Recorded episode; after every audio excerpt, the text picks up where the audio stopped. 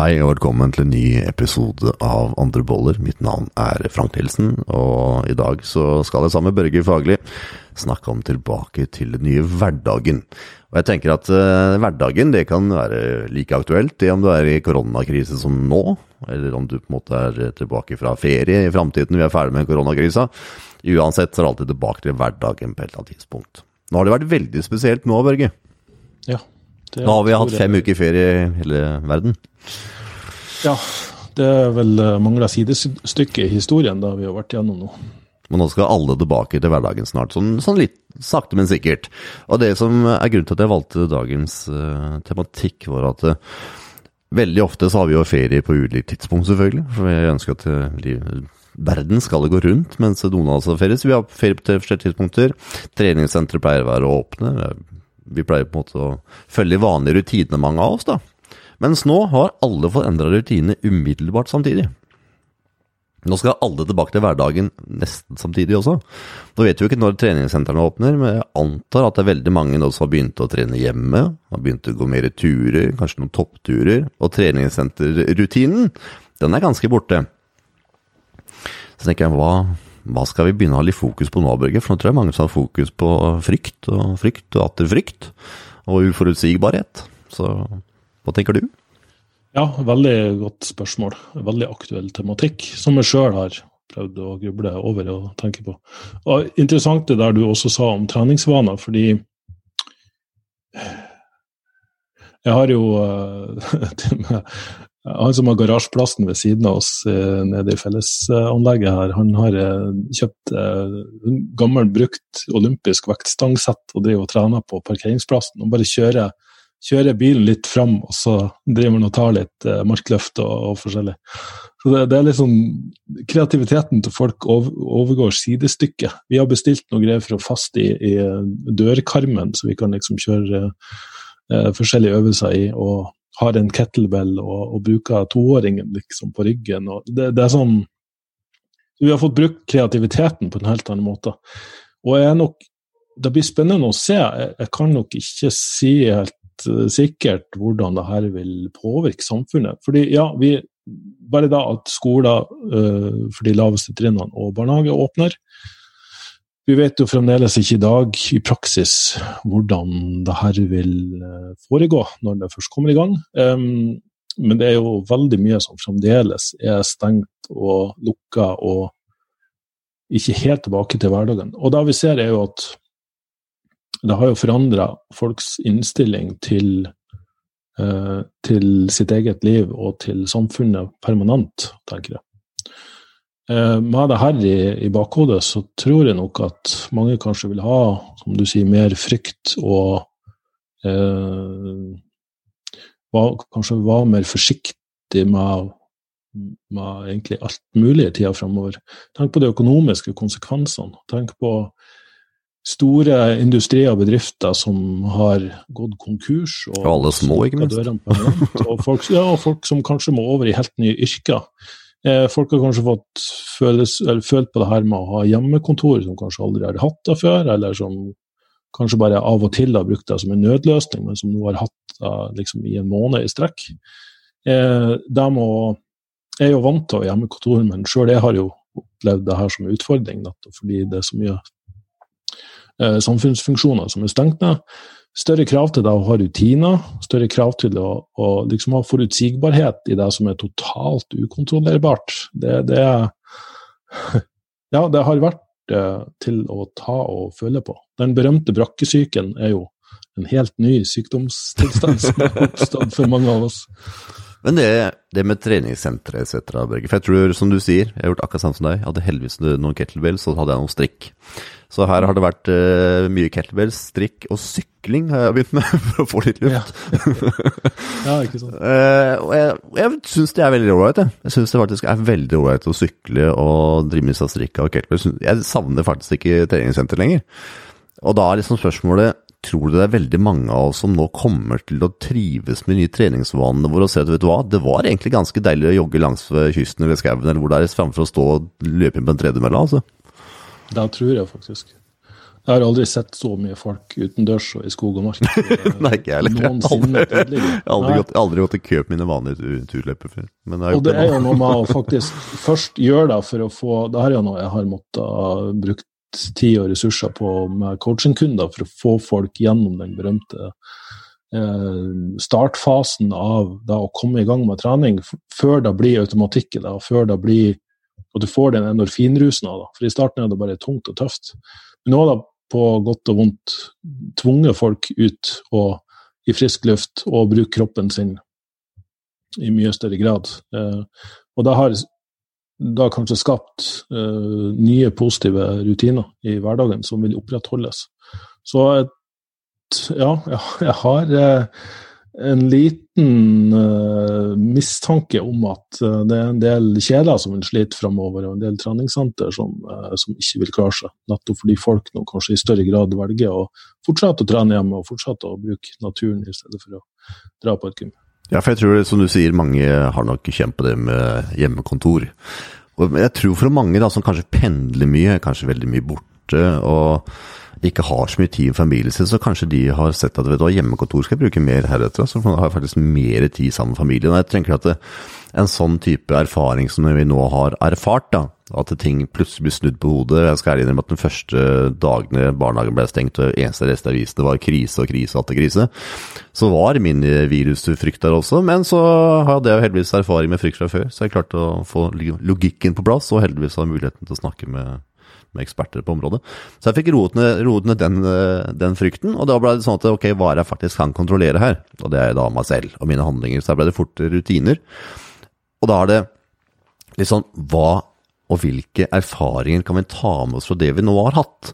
For det blir sånn at eh, hvis du ikke har muligheten til å gå på treningssenter, du har ikke muligheten til å kanskje få gjøre tinga du pleier å ha i vanene dine, det du i alle fall vet, at du kan lage deg noen nye rutiner og det som er positivt for deg, og som sagt, jeg var så mye inne at jeg kjente at jeg, å, skal jeg klare å holde humøret og være hyggelig med resten av familien, som har samme 24-7?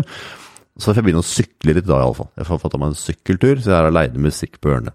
Og det var beinhardt, for jeg har snakka om det før. Jeg får melkesyre fort. Men så fant jeg at ok, da jeg prøver å gjøre noe med det, så jeg laga liten konkurranse for meg selv. Så er det sånn, jeg må prøve å gjøre noe med melkesyre. Altså, jeg kjente at jeg kunne klare å holde tritt med melkesyra mens jeg sykla. Ok, mens nå kjenner jeg det ikke så mye. Ok, da kjører jeg et uh, røkk. Og da kommer melkesyra ordentlig hardt. og Jeg prøvde å holde så lenge jeg kunne, før jeg roa den ned igjen. Og så sykla rolig, kjente at det liksom roa seg, og så var det et nytt røkk. Jeg holdt på sånn i sikkert eh, godt og vel en time.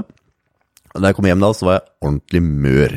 Men det var jo skikkelig deilig følelse. Jeg hadde fått luft, jeg hadde fått sykla, fått gjort og fått mestring på noe nytt. da. Og jeg tror Erfaringen er at hvis man bryter litt av rutinen, så er det så veldig mange andre ting man kan finne mestring og finne glede i. da. Ja, ja nettopp. At det har fått folk til å bruke kreativiteten. Um, oppnådd mestringsfølelse på ting som de kanskje normalt sett ikke ville ha pusha seg sjøl til å gjøre.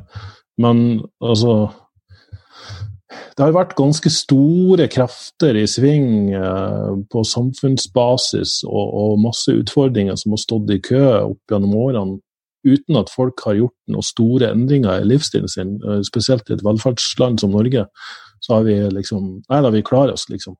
Men så kommer det en mikroskopisk eh, organisme, et virus, og, og, virkelig snur opp ned på alt. Ja. Og, og, og fremprovoserer de endringene eh, som har liksom feid over hele samfunnet på denne måten. Det gir rom for refleksjon, altså. Og, um, ettertanke.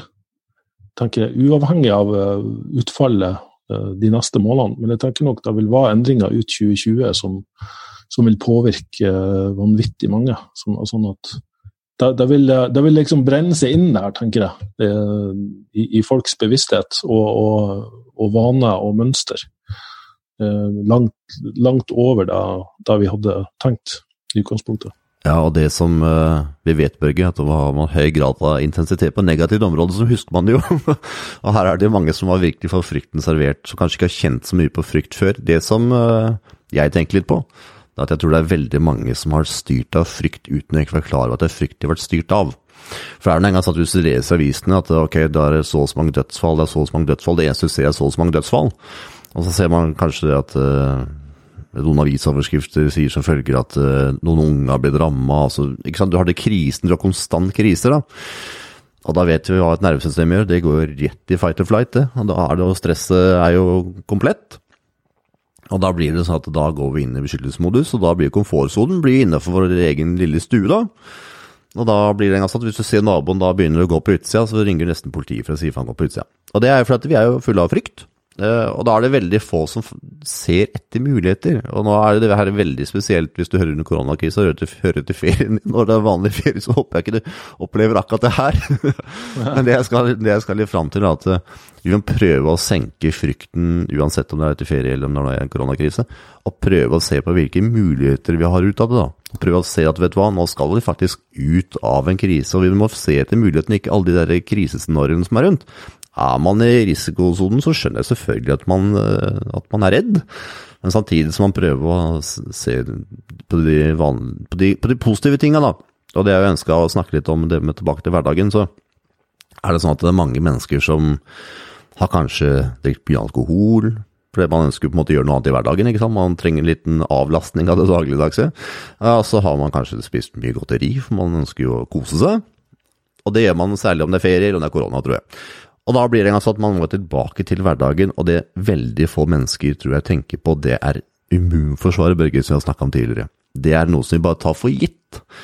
Og kan vi ikke prøve å tenke som så heretter, når vi har hatt ferie eller hatt uh, tider der vi på en måte har kost oss, så sier vi at ok, nå er det immunforsvaret som er fokus. Veldig ofte så tenker vi på vekta, ikke sant. Har lagt for meg litt, eller kanskje gått ned i vekta. Nå må jeg komme tilbake i form. Og da er det det utseendet vi tenker på. Vi tenker jo ikke på selve immunforsvaret vårt. Og nå ser vi at de som er i risikosonen nå, er jo de som har hatt utfordringer med immunforsvaret. Hva med at vi begynner å tenke på det her etter når vi skal tilbake til hverdagen? At vet du hva, fader heller, nå er det immunforsvaret som skal i fokus. Ja, god tanke. Eh, noe som er litt dypere enn bare speilbilder, tror jeg nok er ja. veldig, veldig, smart. For det er ikke dermed sagt at selv om du ser veldig bra ut, Børge, det gjør du jo, så er det ikke dermed sagt Nå er du frisk og rask i, immunforsvaret ditt, da, men veldig mange mennesker de kjører på med koffein og andre ting, for nå skal jeg ha krutt, nå skal jeg ha full gass for å komme meg gjennom trening. Og så tenker du ikke på at i det øyeblikket du drikker din tiende kopp kaffe den dagen, så er ikke immunforsvaret på topp, for å si det, for å si det mildt. Nei, og også der å gå og kjenne på frykt hele tida og, og var veldig problemorientert. Uh, så, så, her må en både en fysisk endring, med at man får liksom gode vaner og sånn på plass, og innarbeider så fort som mulig hvis det har fløtet ut litt. Det har det gjort for meg også. har du kost deg med godteri, du, eller? Jeg koser meg alltid med godteri. Jeg har et veldig balansert forhold til det. Jeg skal ja. faktisk påberope meg på, på det området. Um, ser ikke sånn ut, da? Nei, takk for det, men da tror jeg nok jeg nettopp fordi jeg har et avbalansert forhold til det. Ja. At uh, tar med en marsipangris, liksom, så klarer jeg ikke den til, nettopp fordi jeg unner meg den. Det er ikke noe sånn straff-belønningsorientert rundt det. Um, men da, den fysiske utfordringa med å innarbeide gode matvaner og rutiner og, og faktisk overvinne den berømte dørstokkmila, som nå er egentlig jævlig kort fordi du faktisk bare skal trene hjemme på stuegulvet. Men jeg nesten opplever det som en større utfordring å få trent hjemme enn å dra på et gym, for da har du en sånn setting rundt det, da du drar et sted for å trene. Mens her må du faktisk gjøre det der du både spiser og ser på TV, liksom. Det, det har jeg sjøl opplevd som utfordring. Men den mentale biten, liksom faktisk det å, å få eh, oversikt over eh, hva som er reell og hva som er skapt frykt. Altså, påvirk, på, altså hva vi er blitt påvirka til å tenke og tro. Eh, altså hva er realiteten? Vi må, vi må, prøve å ha litt sånn realisme oppi det her. Og den er vanskelig, Børge. Nå tror jeg det er mange som ja. sitter i andre enden og hyler i andre enden her, for nå er alle eksperter nå, vet du. Ja, det er utrolig. Det er fake news. Og så er det media som selvfølgelig forsøker å ha en opplysende rolle. Det, det ser jeg. jeg vet ikke. De er så glad i å selge aviser, i hvert fall. Ja, det er, det er, ingen tvil om det. Det er enkelte ting som jeg tenker at det der er en, en unødvendig nyhet. Og, og Vet du hva jeg unnskyld at jeg hva jeg la merke til siste? Du kan lese den største krigsoversikten. Den største, mm. altså. Eh, nå siste nå, I går så var det til og med en gul trekant. Så du var sikker på at du faktisk leste innlegget. Og så leser man hele innlegget, og så kommer man til slutten. Og da kommer faktisk nesten det viktigste, for da kommer jo ofte tallene tatt i perspektiv. ja, så det blir sånn at det kommer med krigsskrift, og så leser man helt til bånn at ja, vi er ikke sikre ennå, vi tror eller Men da har du, du får ikke med deg slutten. Du har sett krigsoverskriften i starten, og frykten er jo komplett. ja. ja, det er veldig godt poeng.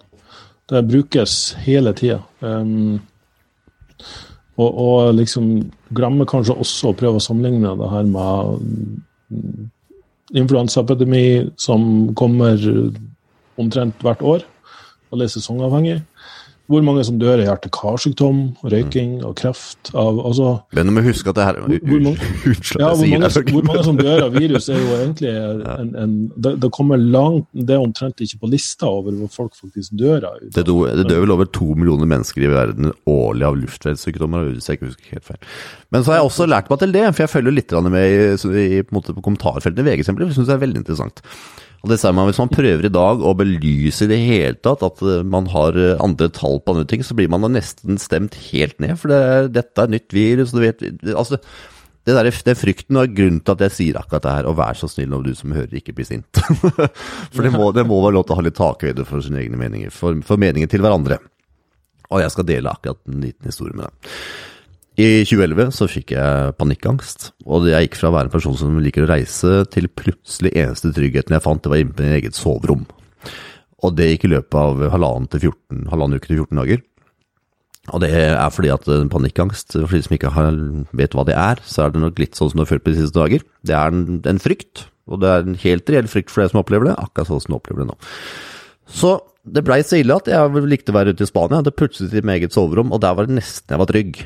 Og Det er litt det samme vi føler nå også. Nå er det sånn at Hvis jeg har hatt med hansker, jeg har på meg maske, jeg har vaska nesten hele kroppen med antibac, og jeg sitter inne i godstolen, da vet jeg greit, her er det ikke noe virus.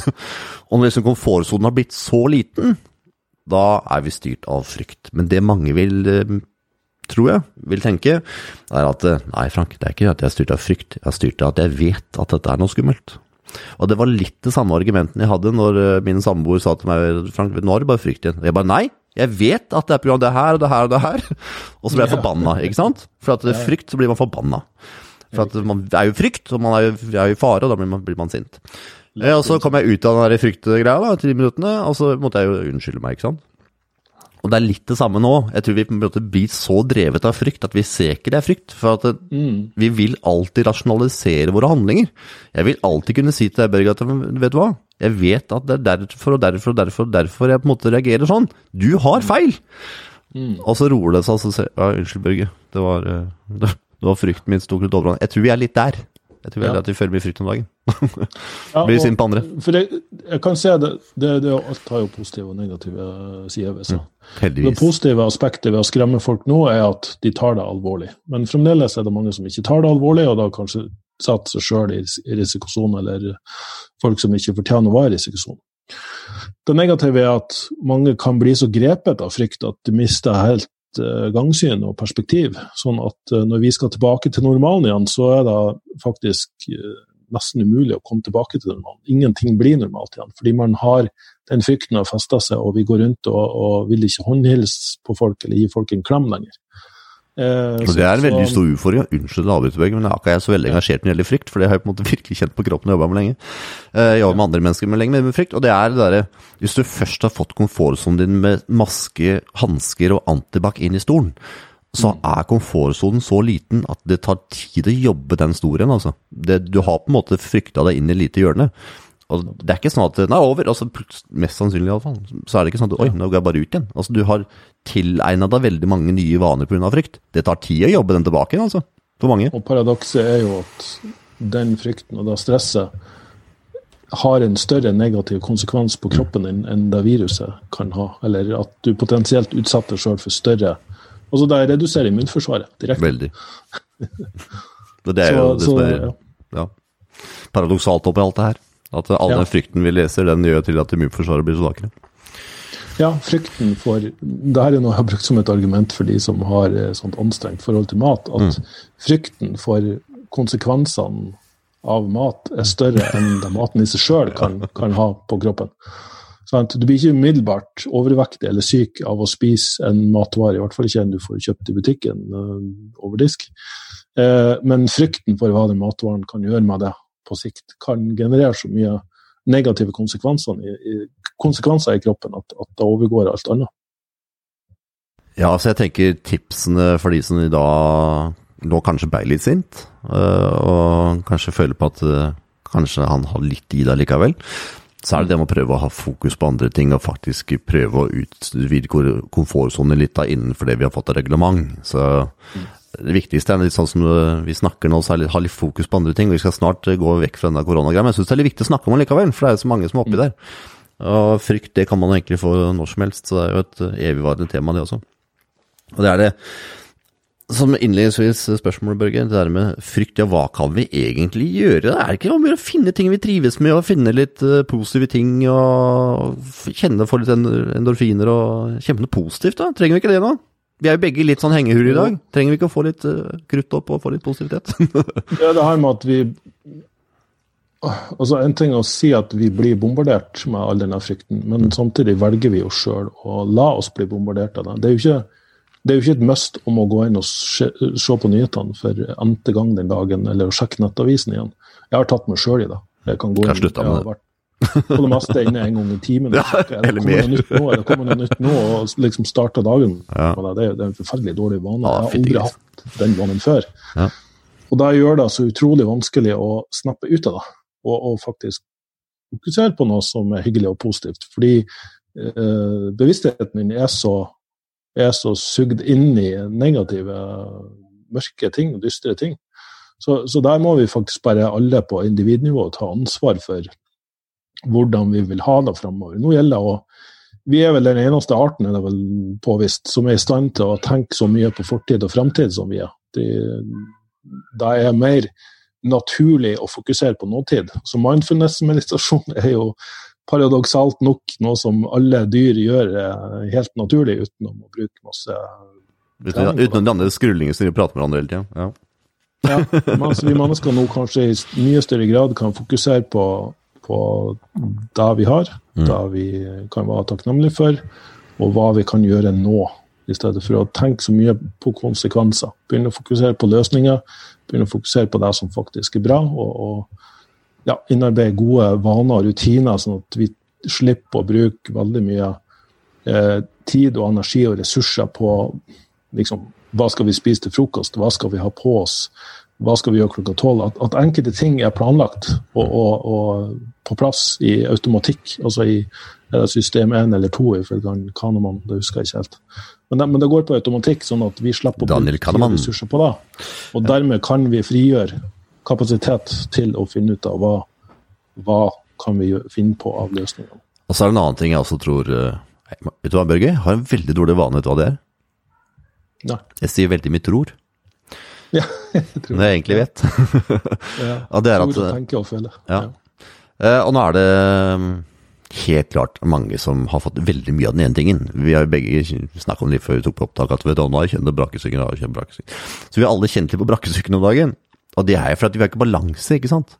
Det er altså at Vi liker å være noe hjemme, altså liker være noe på jobb, og så liker vi noe på trening, altså liker vi noe med venner. altså Vi liker å ha balanse på alle områder.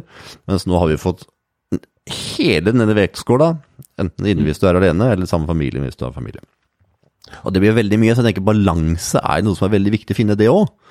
Uansett, skal man tilbake til hverdagen igjen, så er det å finne balanse, og samtidig Mange har nok innsett at eh, familie er veldig viktig og hvis man jobber veldig mye.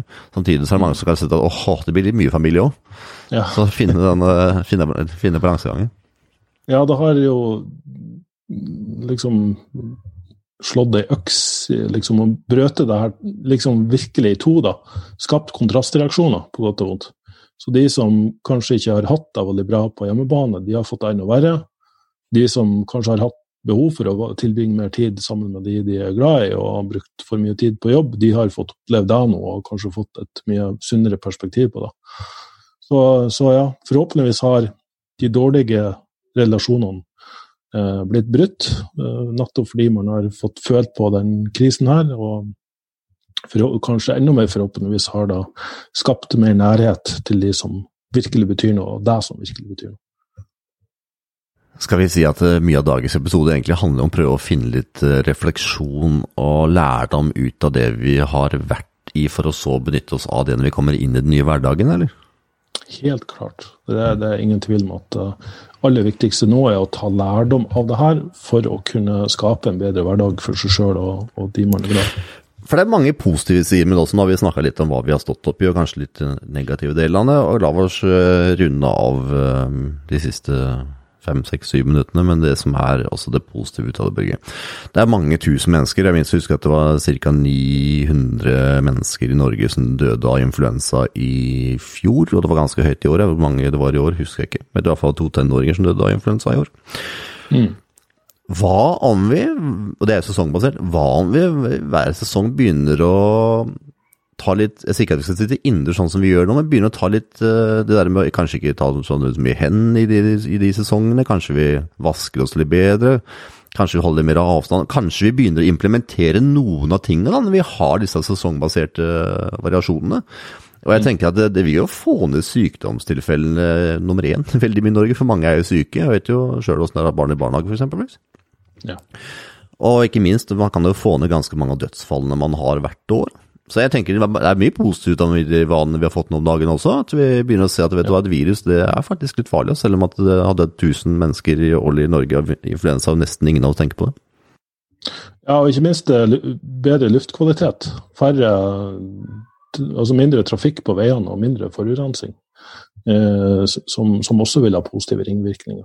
Kanskje det her gir oss et et spark i ræva til å ta tak i klimahensyn også. Så ikke bare på individbasis, men også på samfunns- og verdensbasis. Ja, jeg så en eh, studie fra Harvard i går, tror jeg. Der, var det hatt, eh, der det var mye luftforurensning. og Det er jo en del av byene som nå har hatt store dødsfall, har jo hatt mye luftforurensning. og Da øka vel sjansen for å dø av den koronaviruset, eller covid-19, da. Uh, med 36% eller noe sånt. Og det er noe med at det er sånn som Oslo eksempelvis, har veldig høy grad av forurensning i vinterhalvåret spesielt, altså. Mm. Og det er, det er en viktig faktor, det der. Ja. Ja, forhåpentligvis vil det her fremprovosere grep som gjør at vi faktisk nå kan spille litt videre på, på den ballen som som er, i gang akkurat der. Ja, Vi er veldig flinke til å glemme raskt òg, da. Så er det noe med at jeg tror man må gjøre det litt raskt når man først er i det. For det er noe med at man har kommet tilbake til vanliglivet igjen, og så glemmer man den man har hatt, og så plutselig så Ja ja, nå er det viktig å tjene penger innen i miljøet. ja, og jeg tror, det er balansegangen det der òg, selvfølgelig. Som vi snakka om tidligere, at nettopp da at, at helsa nå er blitt så mye viktigere for folk, fordi vi ser hvor uh, vi kan være for, sånn, for et sånt virus eh, setter lys på Det kanskje gir en, en, en bedre, kraftigere, mer langvarig eh, motivasjon for folk til å spise bra, trane bra, være i aktivitet, få seg nok sollys. Altså de gode vannene vi innerst inne alle vet. Og at det på samfunnsbasis eh, gjøres grep for å forbedre luftkvalitet, og kanskje på eh, befolkningsbasis eh, skape bedre helse og, og et mer motstandsdyktig immunforsvar. Jeg tror jeg så en studie om dagen, og der var det på et influensavirus. Uh, og der var det sånn at et influensavirus som kun var i mørke, det overlevde i fem timer, om jeg husker riktig. Et influensavirus som var ute i sollys, overlevde kun i to og et halvt minutt. Ja. Og det som er, er veldig morsomt, da, at jeg har aldri kunnet så mye om uh, viruser uh, noensinne som det måte man gjør nå. Det er positivt, da. Man vet jo ja. lærer veldig mye av det som er rundt seg. Og det kom også en uh, Eller jeg kom over en YouTube-video, Børge, som jeg delte sende deg, men helt glemt å gjøre det. Og Der var det en amerikansk lege som fant fram til at Finnene har jo ganske lave forekomster av død i forhold til dette viruset som vi har nå. Og det som er med finnene, at over to millioner finner de tar jo veldig mye badstue. Ja. Og da var det Vi har snakket litt om det her før, da. Men eh, da var det Man kunne se hvor mye immunforsvaret Jeg husker ikke hva, hva den heter, men hva det på en måte ga ut da i forhold til økning av det man tok badstue, eksempelvis. Det det også viste, nemlig, det var at den derre kulderesponsen det ga jo også ekstremt høye verdier av de samme type eh, som ikke husker hva heter, i immunforsvaret. Så det viste på en måte i den der dokumentasjonen da, på det med sykdom og sånn, så var det ganske eh, overveldende beviser for at badstue og kulde og varmerespons har mye å si på immunforsvaret. altså. Helt klart. Ja. Ja, nettopp der med å bryte komforten. Så jeg sitter hver dag i det der varmeteltet mitt, Børge. Badstueteltet. ja, to ganger har jeg begynt å kjenne tendenser til eh, den, den, klassiske, typiske kløen i halsen og, og liksom den Oi, nå begynner jeg å bli syk. Og la meg under den uh, infrarøde lampa jeg har ved siden av her, som, og lyste med den på halsen. Her sent en kveld jeg faktisk fikk ikke sove så mye, klødde og irriterte deg i, i halsen. Tenkte, Oi, er det korona, liksom? Ja. Men uh, det har jo visstnok litt andre symptomer, og har ikke hatt noe feber eller noe sånt, så satser på at det var en helt vanlig uh, forkjølelse. La meg en halvtimes tid med den, eh, rundt 30 cm avstand. Og for alle som har prøvd sånne infrarøde lamper, så vet jeg at den avgir ganske mye varme. Så det ble godt og varmt og behagelig der. Holdt på å sovne under den lampa. Men våkna morgenen etterpå. For det første ble symptomene såpass uh, milde da at jeg kunne legge meg og sove, og fikk sove godt. Våkna dagen etterpå, helt borte. Helt frisk. Så uten at jeg skal påstå noe Nei, men det er interessant, da. fordi det er sikkert noen som tar med på det også. Ja, Men to ganger med en ukes mellomrom fikk de symptomene tilbake, måtte ha under den lampa igjen, og da forsvant det dagen etterpå. Og da tenker jeg det, det er litt sånn logisk å anta at det, det var Iallfall iallfall veldig interessant. Og jeg merker jo, jeg sitter jo nesten daglig en halvtime i sånn infrarødt badstuetelt. mm. Og, og det er ikke bare at det, har en positiv innvirkning på immunforsvaret, men det er også en veldig inn... Og nå kommer jeg til litt av poenget. Det er jo at eh, det viste i den studien her at det senker jo kortisolet ganske mye, altså stresshormonet ditt. da. Ja. Og jeg merker at jeg sitter i teltet og jeg kjenner at det der eh, sympatiske nervesystemet virkelig gir seg, og det jeg orker egentlig ikke å tenke på når jeg slapper av. Og så Samtidig som jeg er veldig svett. Og det er jo deilig følelse, ja. Så kommer du inn i iskald dusj, og så våkner du til igjen. Ja, og, det er, en- og det er en veldig deilig følelse, så det blir nesten litt sånn avhengighetsdannelse. Så det gjør jo det her det minste man sover, og så klokka halv tolv, så oh, nå er det telttid. Så det er det man finne de der gledene i hverdagen. Ja, jeg har min egen lille kalddusj som uh, vandrer rundt her og lengter etter barnehage, så, så ja. Ja. Jeg, en jeg, jeg er i stand til å fyre i gang mitt sympatiske nervesystem. uten at det trenger noen temperatursvingning. Uh, Ja. Som sikkert alle småbarnsforeldre Ja, kjenner seg igjen i. Kjenner til det. Uh, For å round it up på episoden, så håper jeg du fikk noen tanker om dagens episode. Og det var det vi var litt ute etter. Du har hatt på ferie pga. korona eller vanlig ferie, så er det å prøve å finne litt ettertanke, da. Og Mm. hva er det positive jeg kan få ut av den erfaringen jeg har nå? Og på hvilken måte kan det hjelpe meg videre? Og så er det La oss ta et uh, ryngende ja for immunforsvaret. At det kommer mer og mer i fokus i tiden framover. At uh, Mm. Spiller ikke så forbanna stor rolle om det ser ut som uh, en tier i speilet om immunforsvaret er kjørt. Nei, ja, nettopp. Jeg tenker òg at uh, det å, å ha det som overordna intensjon i stedet for utseende, vil nok sannsynligvis ha bedre, altså mer positiv effekt på utseendet enn, enn du vil tro. Det tror jeg jo. For ja, det vil, selvfølgelig. Trener du for bra immunforsvar, så vil du se bra ut òg.